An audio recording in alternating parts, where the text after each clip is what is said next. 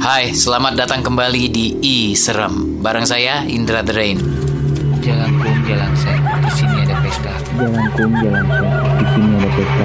Jalan kum, jalan set, datang tadi ledang, pagi tadi atar. Jalan kum, jalan set, di sini ada pesta. Jalan kum, jalan set, di sini ada pesta. Jalan kum, jalan set, datang tadi ledang, pagi tadi atar. Jalan kum, jalan set, di sini ada pesta. Jalan kum, jalan set,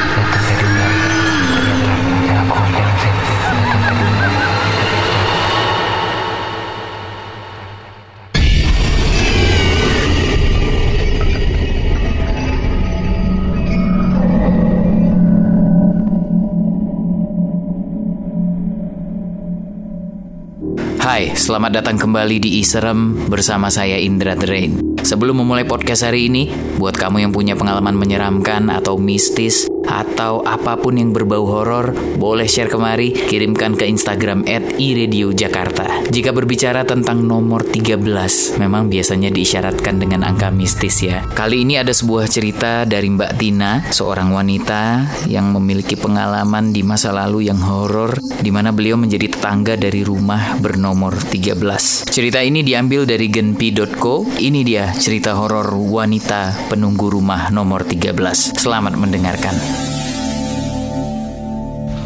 Aku. Sebut saja aku Tina. Aku masih ingat betul kala pertama ayah dan ibu membeli rumah di salah satu komplek di Bekasi ini. Terletak di antara Pondok Gede Jati Asih, perumahan ini kerap dilanda banjir. Herannya, ayah dan ibu betah banget lantaran hanya rumah ini yang terjangkau dengan keuangan mereka. Waktu itu tahun 1996.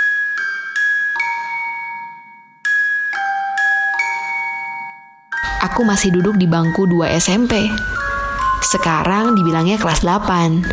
Pada saat itu, aku harus meninggalkan sekolahku di Jakarta untuk pindah ke kota patriot ini. Komplek ini menurutku menyebalkan. Masa nggak punya tetangga? Ada sih, tapi hanya beberapa rumah saja. Ya, namanya komplek. Saling bersenderan, kayak remaja baru-baru banget jadian. Dinding rumahku bisa dipretelin dengan amat mudahnya kalau kita punya kuku panjang. Ah, elah, Bu. Kenapa harus di sini sih? Protesku. Tapi itu awalnya. Sampai akhirnya aku yang doyan eksplorasi tempat dan menemukan lapangan yang asik banget untuk beraktivitas ala-ala mountain bike. Tanahnya merah dan ada bebatuannya. Wih, pokoknya asik deh. Jadi, komplek perumahan ini memiliki tetangga kampung yang letaknya menanjak.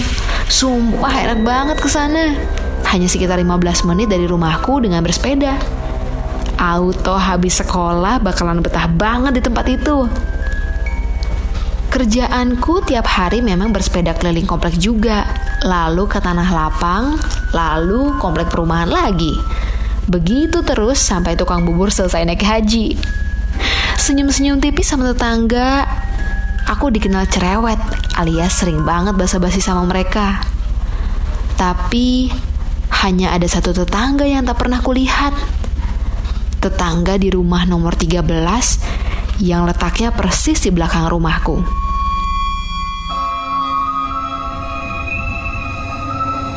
Yang ku dengar, rumah itu dihuni oleh seorang wanita yang memang tak pernah keluar rumah. Hmm, ada beberapa peristiwa penting maha dahsyat yang akhirnya membuat aku selalu trauma bila mengingatnya. Peristiwa aneh yang menancap di benakku hingga sekarang usiaku hampir kepala empat. Tak bisa semudah itu kulupakan. Peristiwa pertama, tepat dua bulan aku dan keluarga tinggal di rumah itu. Ayah dan ibu sempat meninggalkan aku, kakakku, dan adikku yang masih TK di rumah sendirian. Mereka pergi reunian berdua saja di malam minggu. Aku lupa tanggalnya. Aku dianggapnya sudah besar, sehingga adik diikhlaskan dalam penjagaanku. Kakakku bukan orang yang pedulian sama adik. Dengan santainya, dia hanya mengunci diri di kamar. Gak peduli deh adikku udah makan atau belum. Kalau aku aja sih gampang. Masak mie instan juga jadi. Lah adikku yang kecil. Ah, Daripada nggak waras mikirin dia, lebih baik aku membuat makanan untuk adikku. Mie instan dulu ya, Dek. Maaf kalau di masa depan kamu akan dikenal sebagai generasi micin. Aku beranjak ke dapur yang memiliki sekitar empat atap bukaan yang hanya dilapisi plastik tebal bening, jadi bisa langsung menatap langit. Terkadang aku menghayal, ada yang mengintip dari sana. Entah orang, binatang, atau bukan keduanya. Ih, kok agak merinding ya? Ah, buru-buru ku lenyapkan pikiran aneh itu. Selesai memasak mie, ku matikan kompor. Aku mendengar tembok belakang rumahku yang menempel dengan dinding wanita nomor 13 berbunyi keras sekali. Seperti dihantam benda tumpul. Jantungku berdetak kencang. Duh. Terdengar lagi suara yang sama. Sampai tiga kali.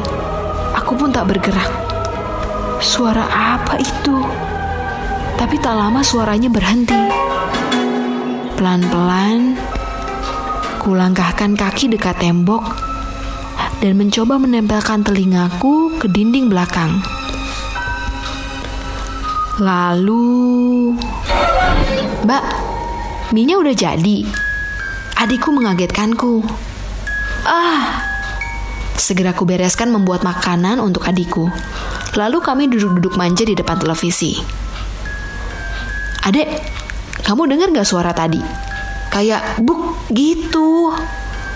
Kayak badan kita kalau digebukin pat kayak badan kita kalau lagi digebukin pakai guling. Enggak tuh. Jawab adikku singkat. Duh, pasti dia bohong. Suara sekeras itu harusnya terdengar. Paling enggak jarak 10 meter. Nah, panjang rumahku ada sekitar segitu. Harusnya adikku pasti denger kan? Adek, kamu jangan bohong. Nanti dosa tahu.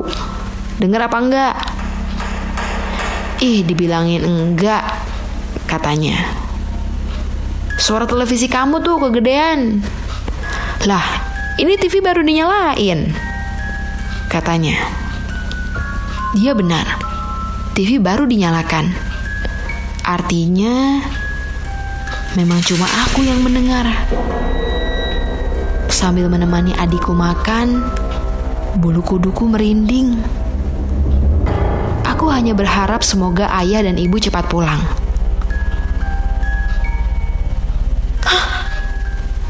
Bangun-bangun, aku sudah di atas kasurku sendiri. Aku segera bergegas keluar sambil deg-degan. Sudah pagi rupanya. Aku kok ada di dalam kamar? Harusnya di depan TV. Tanyaku ngegas kepada ayah dan ibu yang lagi sarapan. Lah iya, memang depan TV sama adek. Ketiduran, makanya ayah angkat ke kamar. Kok histeris gitu? Ucap beliau. Aku cuma, oh, dengan panjang. Rasanya ingin kembali rebahan, tapi kuurungkan. Karena ibu masak nasi goreng yang kayaknya enak. Tak perlu gosok gigi, langsung ku sikat nasi goreng buatan ibu yang lezatnya bisa umroh tujuh kali. Enak banget bu, kataku. Ibu cuma tersenyum. Nah, kita skip dulu sampai sini.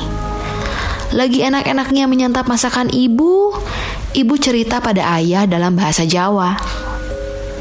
Mungkin berharap aku nggak ngerti, tapi percayalah, walau dibesarkan di Jakarta, ada Yogyakarta terutama memahami bahasa Jawa, aku pegang teguh. Langsung aja aku ceritakan artinya ya.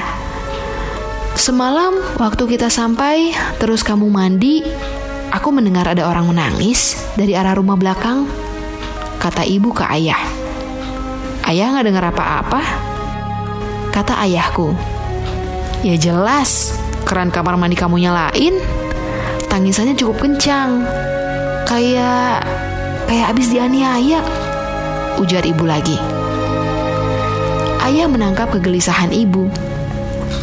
Aku pura-pura cuek sambil melanjutkan baca novel Gusbam.